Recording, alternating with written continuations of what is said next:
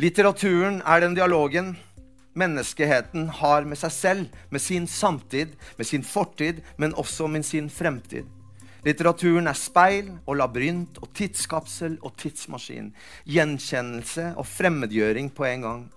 Den er stedet der det komplekse kan forbli vanskelig og vrient. Der motsetninger er mulig å sidestille og studere. Der det er plass til tvilen, til usikkerheten, til sorgen, og derfor også til nåden, trøsten og det sublime. Det som er så skjønt og vakkert og overveldende alvorlig og uforståelig og matt at det skaper en form for frykt, for eksistensiell svimmelhet. Litteraturen er det lappeteppet vi alle sitter og arbeider på, til og med dem som ikke leser eller skriver eller bryr seg om litteratur. Hvorfor er litteratur viktig? Det er temaet for det årlige Kielland-foredraget som holdes på Kapittelfestivalen. I 2023 var det forfatter og musiker Pedro Camona Alvarez sin tur til å snakke om dette emnet. Dette må du ikke gå glipp av. Først vil jeg si eh, velkommen og takk til alle dere som har møtt opp. Eh, tusen takk til Kapittelfestivalen som har eh, sendt meg et brev i posten og spurt meg om jeg kan holde dette foredraget. Eh, jeg skal forsøke å lese rolig, men fort. Jeg er ikke akkurat nå minimalist, så jeg har skrevet veldig mye. Jeg håper at jeg klarer å rekke gjennom alt. Så vi får bare starte.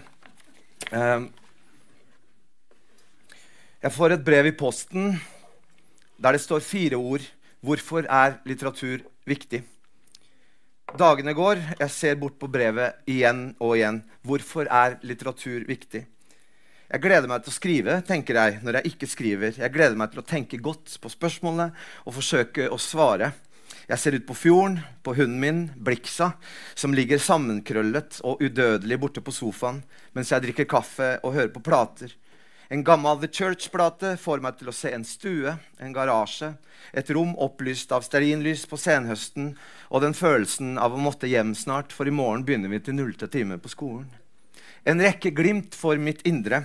Et bombardement av løsrevne biter. En skolevei, et par sko, en stue og noen venner med sine unge kropper og sigaretter og den blanke, fraværende fremtiden skrevet ingen steder i ansiktene deres.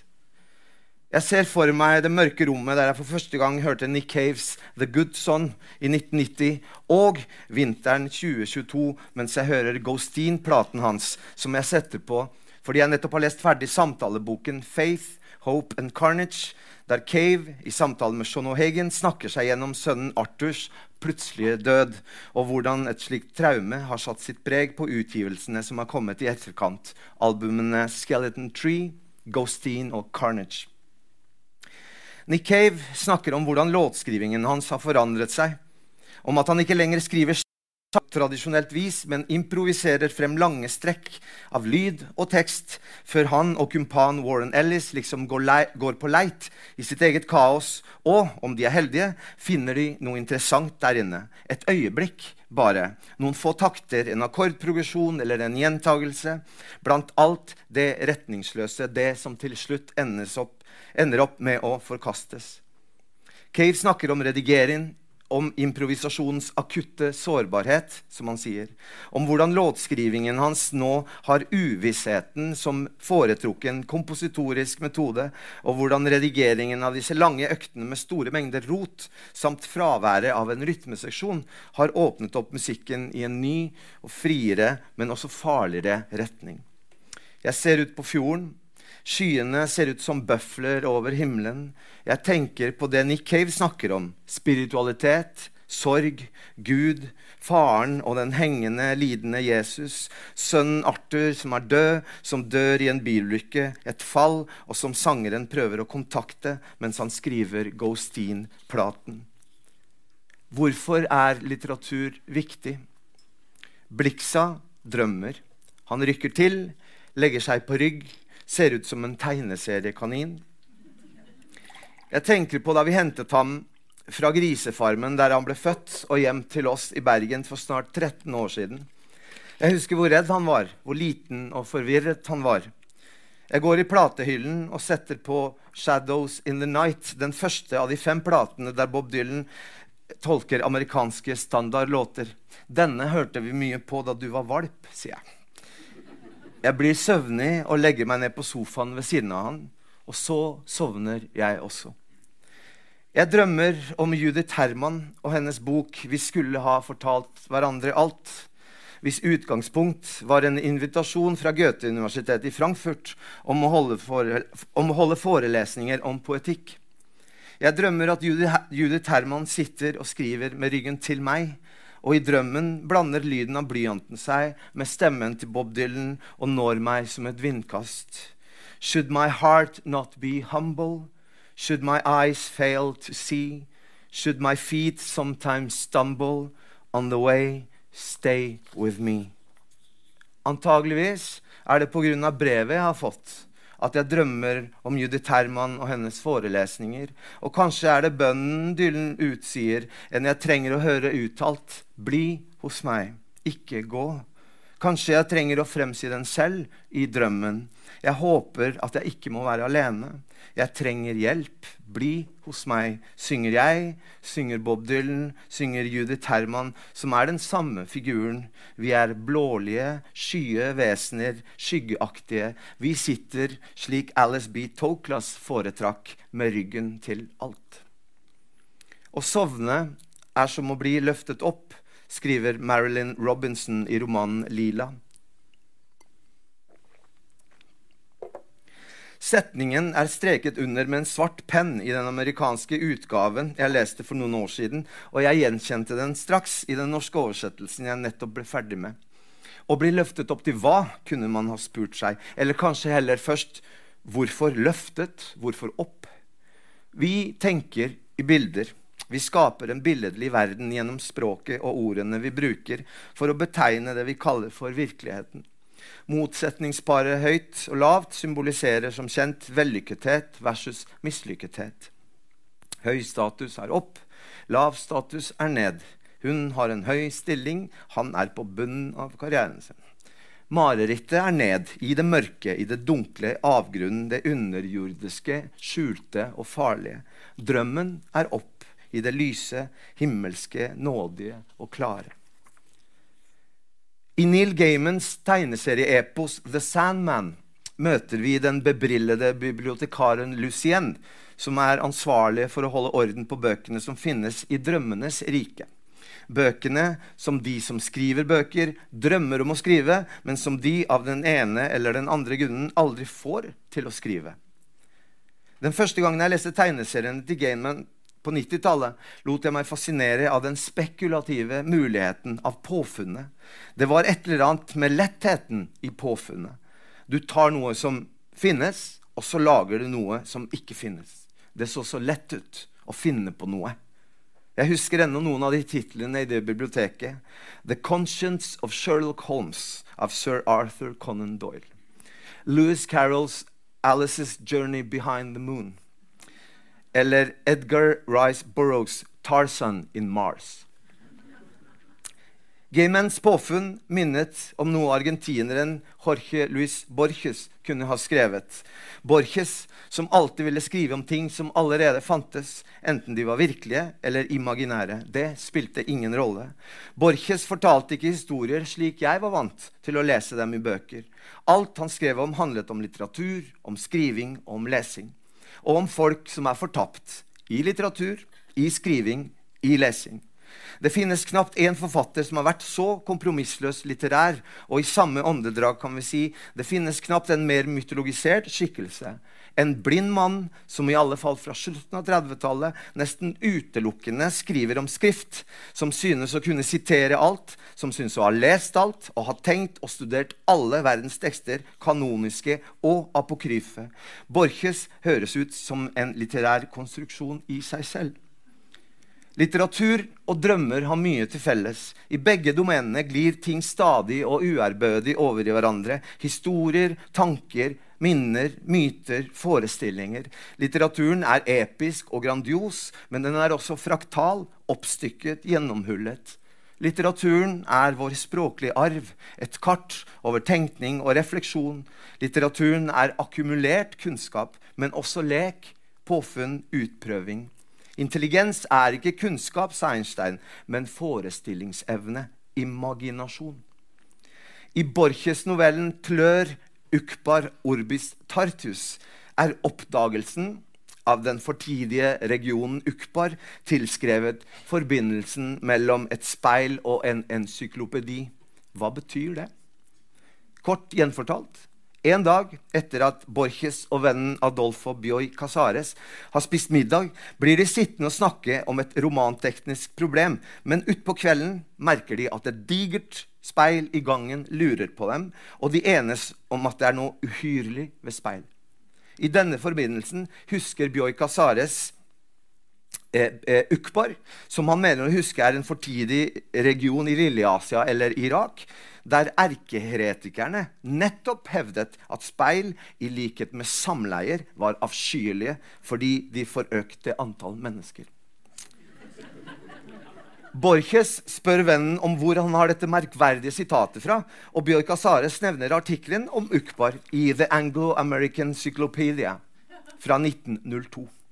De finner fram leksikonet og blar i Borches eksemplar, men finner ingenting om Ukbar. Heller ikke finner de noe om i registerbindene. Noen dager senere får du bekreftet at den eneste forskjellen mellom oppslagsverkene som de har, er dette ene Ukbar-oppslaget.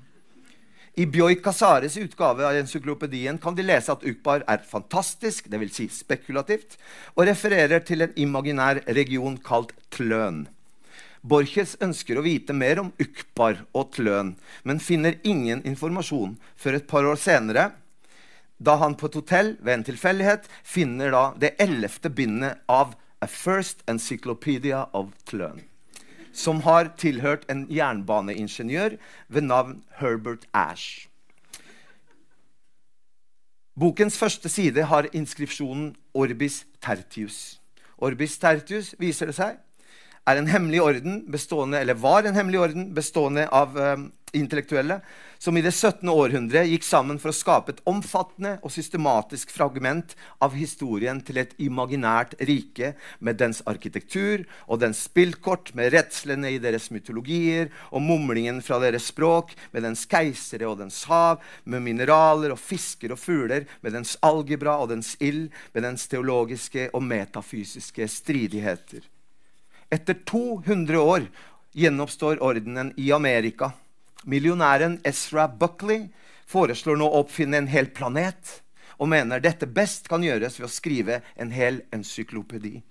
I 1914 avsluttes arbeidet med de 40 første bindene som utgjør A First Encyclopedia of Pløn, og oppslagsverket blir i all hemmelighet sendt til de 300 bidragsyterne og Herbert Ash viser seg å være en av dem. Det er først i 1944, på et bibliotek i Memphis, opplyser Borches oss om i teksten at man finner alle bindene. Da jeg leste Borches sin tekst, hadde jeg ingen inngående kunnskaper om verken litteratur eller skriving eller lesing, og mye av novellen gikk nok over hodet på meg, særlig de mer filosofiske beskrivelsene, utlegningene og spekulasjonene, altså alt det intellektuelle tankegodset.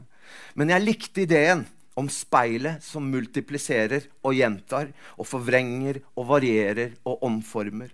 Jeg likte at to venner kunne sitte og snakke om abstrakte, metafysiske problemstillinger, for så å begynne å lete i et oppslagsverk etter opprinnelsen på et sitat, noe halvveis husket, halvveis glemt, et bruddstykke, en rest. Mulighetene for fortapelse var uendelige både for karakterene i Borches tekster og for meg som leser, skjønte jeg.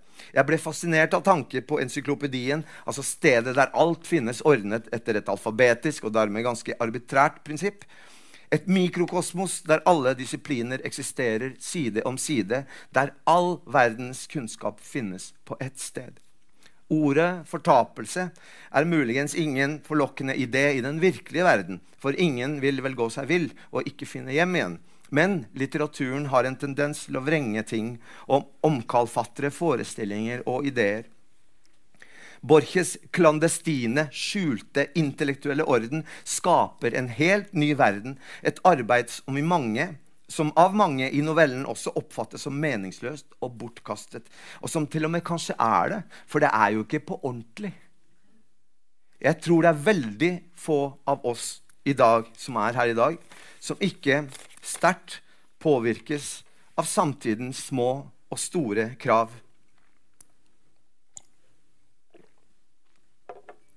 Vi lever i en tid som er uoversiktlig, kaotisk, skummel. Jeg tenker på klimakrisen, på turbokapitalismens allestedsnærværende råskap, på krig og den kognitive dissonansen som preger oss alle som samfunn, men også i høy grad oss som individer. Things are gonna slide in all directions. Won't be nothing you can measure anymore, skrev den fremsynte Leonard Cohen på platen The Future fra 1992. Det tok noen år, men vi kom dit til slutt. Vi lever i en verden der jorden er flat, hvis du syns det. Eller hvis du har sett mange nok YouTube-videoer som forteller deg at det som før het konspirasjonsteorier, nå er avdekkede sannheter. Endelig sannheter som har vært skjult for deg av en ansiktsløs elite som uproblematisk har klart å lure verdens befolkning i århundre etter århundre uten nevneverdige logis logistiske utfordringer. Og sam samtidig er vår tid også merkelig strømlinjeformet og for forutsigbar. De fleste ønsker seg de samme tingene, enten du lever på Notodden eller i Bangkok. Vi vil ha det som kapitalismen i alle år har fortalt at vi har en slags krav på. Stadig oppdaterte dippedutter, biler, større biler, større hus, karrierer, penger. Lykken er langt på vei avhengig av materialitet. Den er tinglig. Den lovnaden vi stadig møter på, skjult og åpent via skjermene våre, er seduktiv, forførerisk på en glitrende didaktisk vis. Samtidig som vi forsvinner fra oss selv i en stadig kjappere strøm av snutter og glimt, erfarer vi å komme nærmere en verden som vi lærer å begjære på en mimetisk, etterlignende måte. Da jeg var ung, var ordet 'sjøldigger' noe av det verste man kunne si til noen. Å være selvopptatt var ikke veldig stilig akkurat. I dag sitter vi alle og lager trutmunn når vi tar selfies for å fortelle verden, dvs. Si Facebook og alt der, at vi akkurat har satt oss inn i Teslaen for å kjøre på hytten. Flere bilder kommer. Ting virker nærmere og fjernere på en og samme tid. Før i tiden kunne man bare se Madonna på TV når TV-stasjonen laget et show der hun var invitert eller viste musikkvideoene hennes. I dag legger hun hver dag ut 100 selvfilmede videosnutter og selfies fra hverdagen sin. Nå er hun på butikken. Nå er hun på klubb. I badekaret. Der er hun med en stor hatt, gitt. Og der er hun på kjøkkenet. Og nå setter hun seg inn i Teslaen og kjører på hytten. Akkurat som oss. Ja, vi kan lett henge med Madonna hele dagen, hele uken om vi vil. Vi kan være intime med hele verden. Jeg ser på barna jeg kjenner. Niesene mine, hvis skjermekspertise er imponerende og skummel. Og jeg tenker også på foreldrene mine, som nærmer seg 80, men som også sitter og stirrer ned i hver sin skjerm hver gang det oppstår en pause i det sosiale. Skjønt 'oppstår'. Jeg er ikke sikker på om det engang er riktig ord. Og jeg ser på meg selv, på mine vaner, min scrolling, mine likes, min promotering av plater og romaner, som mer enn noe annet gjør meg jumpy, stresset. Av og til har jeg kjent en sånn sitring i kroppen som ligner følelsen av å være på vei ned fra en lang natt på amfetamin. Kroppen er urolig og giret, og hodet og tankene beleires av en tomhetens hastighet. Et urolig, forstyrrende, fysisk kvalmende vakuum. Jeg vet at jeg her står og gjentar gamle, velkjente poenger, men gjentagelsen er noe som interesserer meg rent estetisk, og disse observasjonene krever at jeg stiller meg noen grunnleggende spørsmål rundt forholdet mellom oss som individer og oss som kollektiv. Spørsmålene er ikke vanskelige. De er enkle. Verden er på vei mot et stup, det vet vi. Men vi vil ikke tenke så mye på det. Hvorfor vil vi ikke det? I sin seneste essaysamling 'Bestiarium' eksemplifiserer Kari Løvaas den kognitive dissonansen slik. Å forsøke å forene respekt og andre positive følelser overfor dyr med et ønske om å spise dem.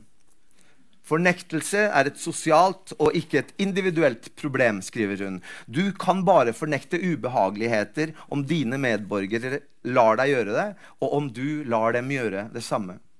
Når man ser på den skeive maktbalansen i forhold mellom dyret og den industrielle kjøttindustrien, viser man, etter mitt syn, på mest presise og groteske vis hvordan denne formen for fornektelse, undertrykkelse og i ytterste konsekvens avvisning nær sagt har blitt fullkommen. På den ene siden har man dyrets lidelser og død innkapslet, bortsatt og usynliggjort. På den annen har vi mektige aktører som kjøttindustrien, landbruksmyndighetene, mattilsyn, samvirkelag, forskere, media, butikkjeder og ja, også oss konsumentene. De som skal begjære, anskaffe og fortære. For siden å repetere øvelsen, potensielt sett i det uendelige. For det finnes ingen slutt for kapitalismen. Ingen grenser for hvor mye ting kan vokse. Det finnes ingen rom for død i kapitalismens retorikk. Døden krever nemlig at vi anerkjenner det endelige. Men det endelige er for trangt, for lite, for uambisiøst for pengeveldet. Høres jeg ut som en naiv 15-åring? Jeg håper det. Jeg håper virkelig det. Som kjent var det største trikset djevelen noensinne utførte, å overbevise verden om at han ikke eksisterte. Kapitalismens strategier tåkelegger forholdet mellom ting usynliggjør forbindelser og avskriver konsekvenstenkning som bakstreversk og negativt. Den retorikken som i dag infiserer vår globale hverdag, er skapt for å opprettholde og til enhver tid intensivere disse avledende strategiene. Det heter ikke konsum, forbruk eller fråtsing, men verdiskapning. Det heter ikke plyndring, utarming, utnytting, men optimalitet, profittmaksimering. Produksjon, overskudd og vekst er udiskutable verdier. Det er en type retorikk som er totalitær. Jeg tenker på Orwells Newspeak i romanen 1984, som er det offisielle språket som anvendes av partiet i Oseania. Jeg tenker på frasen 'alternative facts', som Kellyanne Conway for første gang brukte i forbindelse med innsettelsen av Donald Trump som president i USA, og uenigheten om hvor mange som egentlig hadde møtt opp for å feire valgseieren. Hva kjennetegner et totalitært språk? Begrensning av ordforråd, reduksjon og eliminering av unødvendige ord, dvs. Si ord som kan uttrykke avvikende meninger eller negasjoner, og som gjør det mulig å uttrykke motstand. Jeg kommer selv fra et land der et av de største tortursentrene het Verdighetskolonien. Det er lett å bli motløs, rasende, trist til og med, i disse våre dager, der oppmerksomheten vår er den mest verdifulle varen, og distraksjonen vår mest brukte valuta. Men min påstand er likevel denne. Litteraturen er ikke truet. Bøkene kanskje.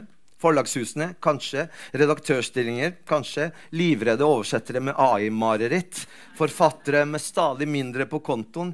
Og lesere som også erfarer at deres konsentrasjon er dårligere og mindre fordi distraksjonen er en allestedsnærværende og streng sjef. Men litteraturen er også noe annet enn bokobjektet, noe annet enn sine institusjoner, sine forfattere og sine konsumenter.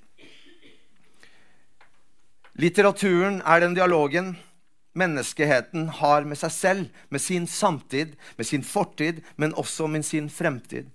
Litteraturen er speil og labyrint og tidskapsel og tidsmaskin.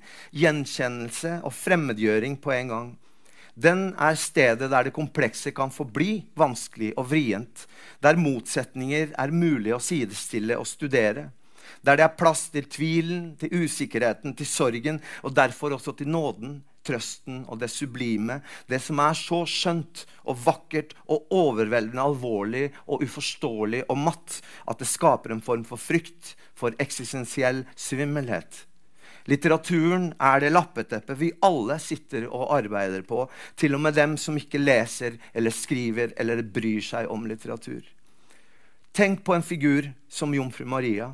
I evangeliene nevnes hun bare noen få ganger. Flest ganger nevnes hun hos Lukas, i fortellingen om Jesu fødsel, juleevangeliet og i bebudelsen da engelen Gabriel kunngjør at hun skal bli med barn ved Den hellige ånd.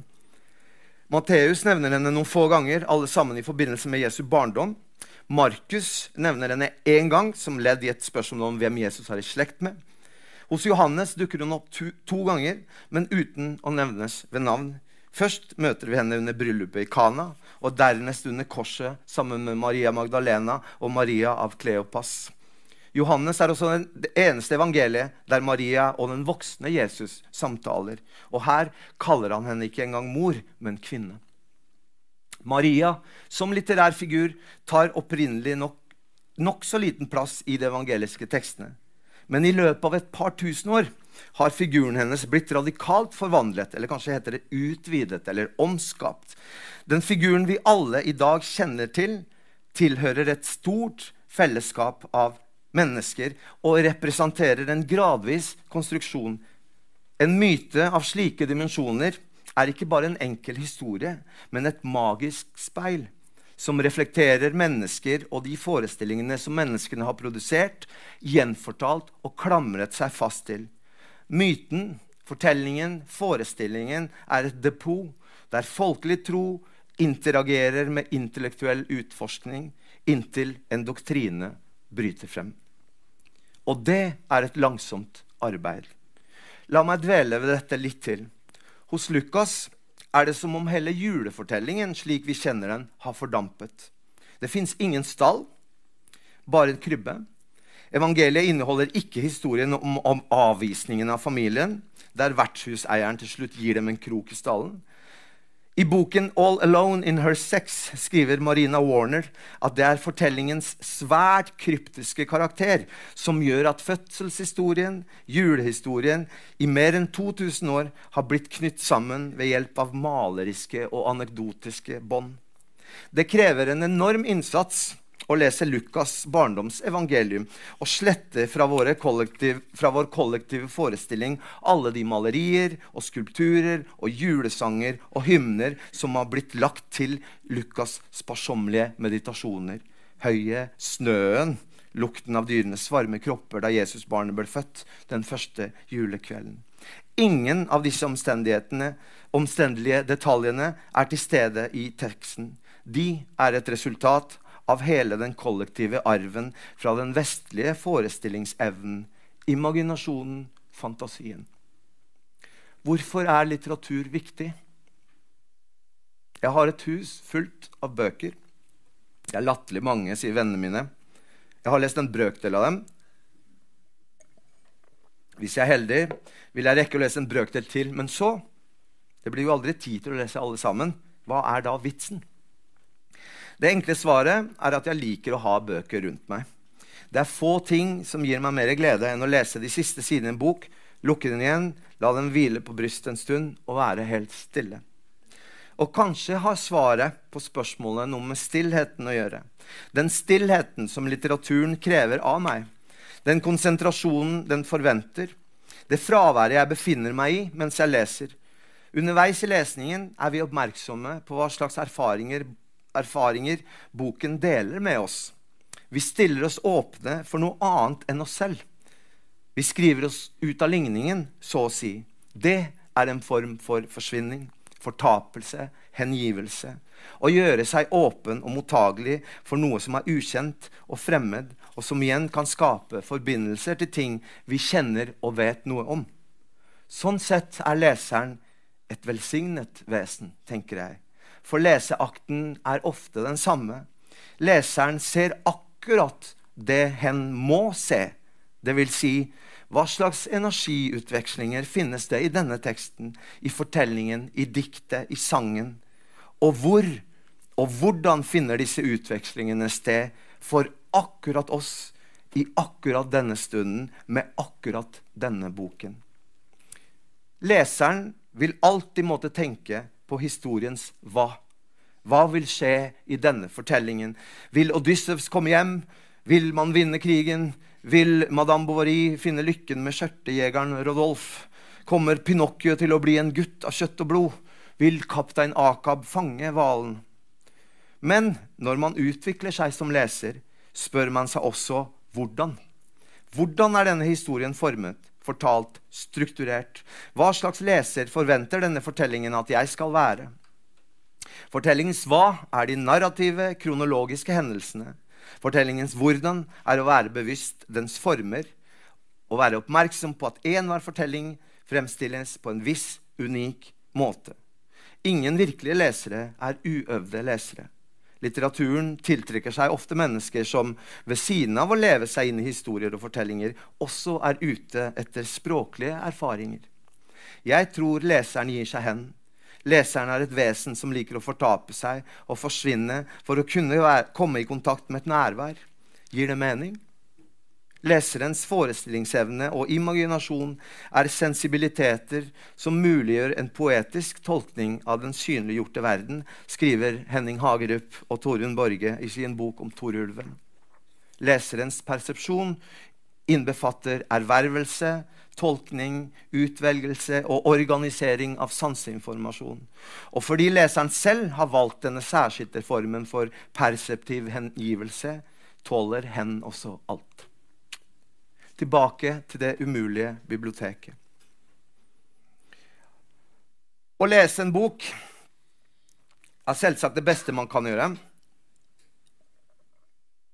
Men det nest beste man kan gjøre, er å være i nærheten av dem. Å vite at de er der, at bøkenes stumme stemmer befolker den ensomheten som et menneskeliv tross alt også rommer. Det er for meg en slags trøst i at bøkene finnes. At de er skrevet, at de er tenkt, at de er følt. En trøst å tenke på alle de samtalene jeg ennå ikke har blitt innviet i. Alle historiene jeg ennå ikke har blitt fortalt, som finnes der i hyllene, men som jeg ennå ikke har fordypet meg i. Jeg går rundt i leiligheten. Hvilken bok skal jeg nå lese? Hva skal jeg nå velge? Og dermed også velge bort. Jeg strekker meg etter en roman, jeg blar i den en stund. Før jeg setter den tilbake på plass, så gjør jeg det samme mange, mange ganger. En dag, sier jeg til bøkene mine. En dag. Jeg lover. Du trenger ikke å love, sier bøkene. Jeg vet det, sier jeg. Det går ti år mellom jeg kjøper Dag Solstads Det uoppløselige episke element i Telemark i perioden 1591 til 1896, og jeg begynner å lese den. Boken er en systematisk fortelling om Solstads forfedre og formødre. En bok full av stamtavler og slektsregistre med kun minimale tilløp til narrativitet. En roman uten diktning, spurte NRK-kritiker Leif Ekle seg i sin anmeldelse. Den gang jeg kjøpte romanen, da den kom ut i 2013, bladde jeg den, leste et par sider og skjønte straks at dette var en av de bøkene jeg måtte vente på. Eller snarere, jeg skjønte at boken sa seg villig til å vente på meg i all evighet om nødvendig. Romanens første setning lyder slik.: Les langsomt, ord for ord, hvis man vil forstå det jeg sier. Jeg må nok begynne med å si dette, for det som nå en gang står, kan ikke sies på noen annen måte. Setningen får meg til å tenke på litteraturens kravstore tålmodighet. Kan man si det? Litteraturens kravstore tålmodighet kjenner ingen grenser. Det er i hvert fall min erfaring. Litteraturen venter til du er klar. Og da jeg først leste den på ordentlig, da jeg først åpna den for å lese den på ordentlig, åpnet boken seg for meg i all sin prakt. Jeg leste Telemarksromanen mens jeg foretok en reise til Chile sammen med min søster. Vi bestemte oss for å besøke mormoren vår, som tidligere i år fylte 97 år, og som vi alltid tenker at vi har sett for aller siste gang. I hjembyen ble vi tatt imot av den familien vi både har og ikke har, og satt i de samme husene som vi har levd i og ikke levd i. Vi snakket, mimret, kjørte bil rundt i bil og tilbrakte mange mange timer i kirkegården i hjembyen mens vi trilla mormor rundt i en rullestol, og hun fortalte lenge og detaljert om alle de døde som der ligger begravd. Om ettermiddagene satte jeg meg ned på kjøkkenet hennes i det samme huset der jeg vokste opp, og spurte henne ut om slekten. Hun fortalte, husket, og jeg både noterte og tok opp det hun sa. Onkler, tanter, grandonkler, grandtanter, barn og voksne, voksne og gamlinger, dødsfall og fødsler om hverandre. Tiden som går. Mormoren min i 40-årene da hun får sitt første barnebarn, som hun må passe på. Og nå som den blinde 97-åringen som har overlevd alle, og som sørger over alle, og som husker alle. Der satt jeg, 51 år gammel, og 5 og 6 og 7 år gammel, med spørsmålene mine. Hvem har vi vært? Om kveldene og nettene lå jeg og leste Solstads roman. En navnesymfoni som mer enn noe annet beskriver hull og fravær og avstand og den uforsonlige glemselen, den som bryter gjennom alle ting. Hva husker man fra et liv? Hvor lenge varer minnene? Hva slags spor et, etterlater et liv seg? En skjellsettende bok, dvs. Si en skjellsettende leseropplevelse, er en bestanddel i ligningen bok pluss leser pluss tidspunkt. For meg var Solstads roman perfekt, rystende, all den tid jeg også befant meg i hjertet av en glemselens malstrøm. Tilbake i mitt spøkelsesaktige hjemland, omringet av familien min, en kirkegård full av døde slektninger, og mormor som en slags fortidens portvokter, en fortellingens siste forvalter, en bibliotekar, en samler. Men hvorfor er litteratur viktig? Jeg tillater meg å låne en anekdote fra den argentinske forfatterkritikeren Ricardo Piglia. I boken 'Den siste leseren' forteller han om en mann som han har hørt snakk om, som i huset sitt i Buenos Aires i mange år har arbeidet med en miniatyrmodell av den argentinske hovedstaden. Han har bygget den med så små bestanddeler i en så liten skala at hele byen er mulig å øyne på en gang. Modellen fascinerer Pigla umåtelig. Når man ser byen slik, er den alltid langt unna, fjern, men følelsen av avstand oppstår i en umiddelbar nærhet. Det er uforglemmelig, skriver han. Mannen heter Russell og er fotograf. Og modellen av byen er ikke et kart og ikke en makett, altså en skalafigur, men en synoptisk maskin. En sammenfattet, konsentrert utgave av Buenos Aires. Russell tror at den virkelige byens ve og vel avhenger av modellen, og derfor er han gal, skriver Piglia. Buenos Aires er redusert til essens av galskapen og den mikroskopiske visjonen til sin skaper. Modell, replika, representasjon. Piglia skriver at dette private, det klandestine, det, det, verket, skjult forholder seg til den litterære tradisjonen som stammer fra Rio del Plata-regionen, altså elven mellom Uruguay og eh, Argentina. Jeg har allerede nevnt Borges. Piglia nevner også uruguayanerne Juan Carlos Onetti og Felisberto Hernandez og deres insistering på at spenningen mellom det ekte objektet og det imaginære, forestilte, ikke finnes. Alt er virkelig. Alt finnes. Også antropologen Claude Levi-Strauss skriver om kunstverket som en forminsket modell. Virkeligheten opererer i virkelig skala men kunsten er en syntetisk versjon av universet, et mikrokosmos som reproduserer verdens særegenheter. Piglia sammenligner Russells bymodell med en gresk mynt som halvveis er begravd, og som skinner ved bredden til en elv i ettermiddagslyset. Den, altså mynten, representerer ingenting bortsett fra det som er gått tapt.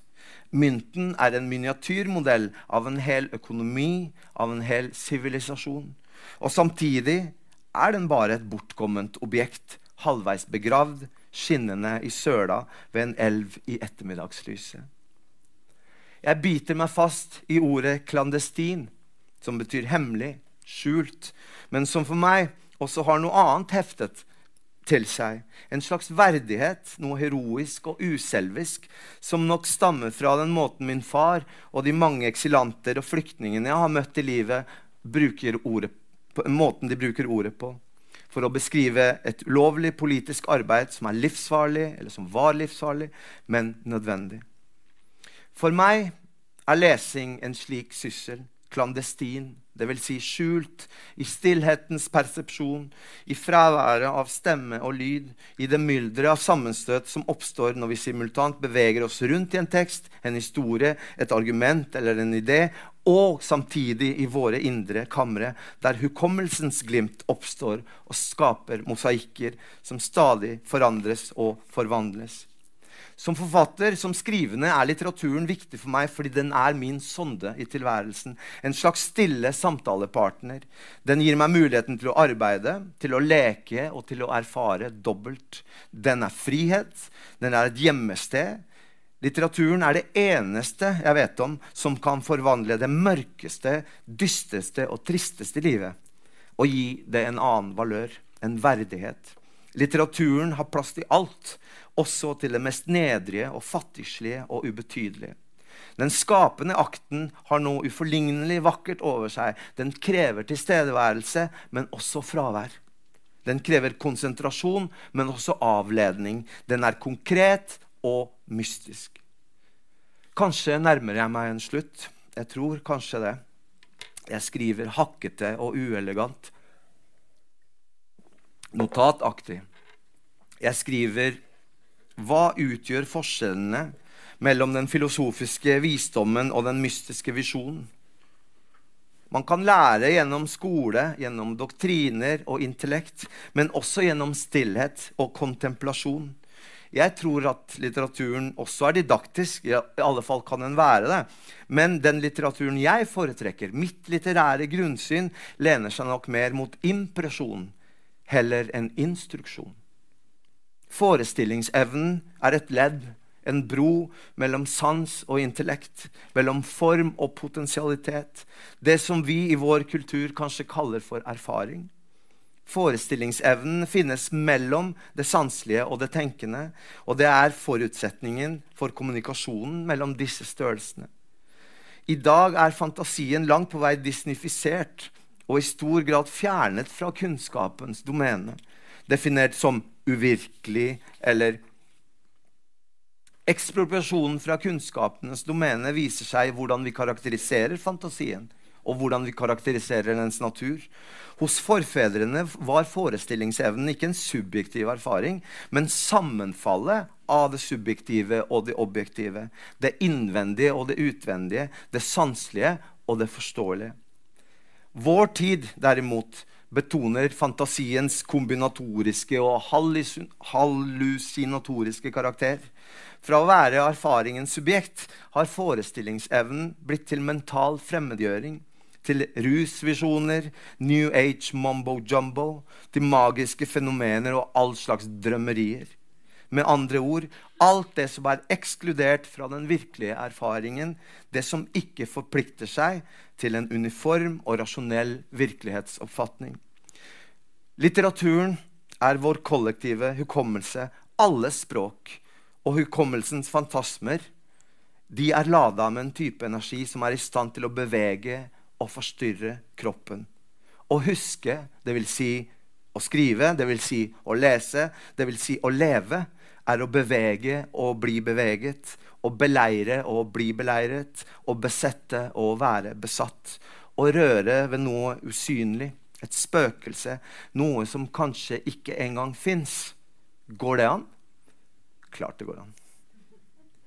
Marilyn Robinson skriver det er tross alt underlig at vi kan vende tilbake til et øyeblikk som knapt kan sies å ha noen virkelighet i det hele tatt. Ikke engang idet det passerer. Et øyeblikk er så lite, mener jeg, at når det blir værende, er det en svært nådig tilstand. Jeg vet ikke om dere husker det, men helt i begynnelsen av teksten så sovnet jeg ved siden av Bliksa på sofaen. Nå ringer telefonen, og både Bliksa og jeg våkner brått. Det er min kone som ringer. 'Jobber du?' spør hun. Jeg griner meg i øynene, ser på klokken. Dylan har for lengst sluttet å synge sviskene sine. Jeg ser på hundens øyne når han ser på meg, og tenker på poeten jeg en gang hørte om. Han som hengte opp et skilt på døra til soverommet sitt om natta, der det sto 'Poet at work'. Jeg sier til min kone, 'Ja, jeg jobber. Det er klart jeg jobber.' Jeg går bort til hylla og blar i platene. Bliksa strekker seg dovent, hopper ned fra sofaen og tusler bort til vannskåla si før han igjen lander ved siden av meg. Jeg går bort til platespilleren, og så setter jeg på Taylor Swift. Den lange sangen hennes som heter All Too Well.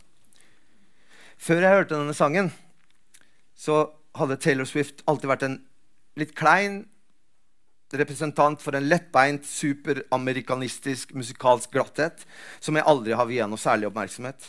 Men under pandemien, eller pesten, som jeg kaller det, så gjorde hun to plater med Aaron Dressner, som er gitaristen i The National. Typisk det at hun måtte samarbeide med noen kredible gubber før jeg gadd høre etter. For disse platene var fine, nemlig. Fin, enkel musikk, fine tekster, bra tilstedeværelse. I denne sangen All Too Well, er vi først på besøk hos søsteren til kjæresten til jeget i sangen. Der jeget i sangen glemmer et rødt skjerf, og der det nyforelskede paret kjører rundt i en fin amerikansk bil i sånne amerikanske small towns som julefilmene på Netflix er fulle av. Og hun håper at han skal si at han elsker henne, men han dumper henne. Og hun lengter etter ham og klandrer ham osv. Dette er en lang, lang sang. Alt dette leverer sangeren med stor overbevisning i den lange, ordrike sangen som harmonisk går rundt og rundt seg selv. Fire akkorder, kanskje fem. Om og om igjen mens hun synger. Jeg har alltid likt sånne sanger. Og som en slags mantra gjennom låta synger hun I was there. I was there. Ikke med desperasjon, heller ikke med overdreven patos, mer som en slags resignasjon. Jeg var der. Jeg hørte sangen sikkert 15 ganger etter hverandre den første gangen jeg hørte den. Og jeg overdriver ikke. Jeg gjør det, men ikke om sånne ting. Jeg ble rett og slett bergtatt av denne unge kvinnens konvensjonelle fortelling om kjærlighetssorg. Men kanskje var det hennes 'I was there' I was there som skapte en distinkt og konkret følelse som satte seg i kroppen på en helt bestemt måte. Jeg kan ikke annet enn å betegne slike øyeblikk som velsignende, opphøyede, oppløftende. Poesien er ikke en litterær sjanger, har Jon Fosse sagt, men en estetisk kvalitet. Jeg kan kanskje prøve meg på en parafrase. Litteraturen er ikke bokobjektet, de litterære institusjonene, ikke leserne eller forfatterne heller. Litteraturen er den virkelige verdensveven. Ikke den tikronersmarkedsutgaven som vi alle går rundt med i telefonene våre. Ja, det vil utvilsomt dukke opp andre lesemåter og andre litterære tradisjoner enn de vi kjenner til i fremtiden. Vi vet ingenting om fremtiden, annet enn at den blir tøff, i beste fall, katastrofal og apokalyptisk i verste fall. Men i bunn og grunn vet vi like lite om det som kommer til å komme, som Homer, hvem hen enn nå var, visste om Malarmés gjennomhullede poesi. Hva forteller det meg? At vi bare må ta det litt med ro. Litteraturen er sånn som 90-tallsrøyk, som lå over stuene våre mens sola skinte, og med letthet kunne slepe seg inn og ut av enhver sprekk og forsvinne ut gjennom enhver åpning og glipe og nøkkelhull. Vi må huske på at Skriften ikke engang ble oppfunnet av poeter, men av regnskapsførere i det gamle Mesopotamia.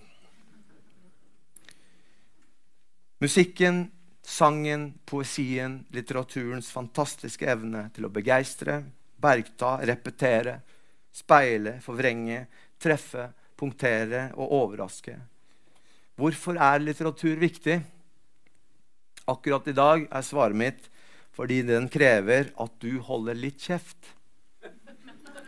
Så der sitter jeg og lytter stille, konsentrert, med munnen godt lukket.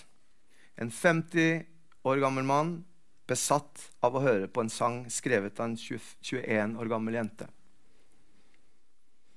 Og jeg som aldri har vært en 21 år gammel jente. Eller forresten, hvem vet.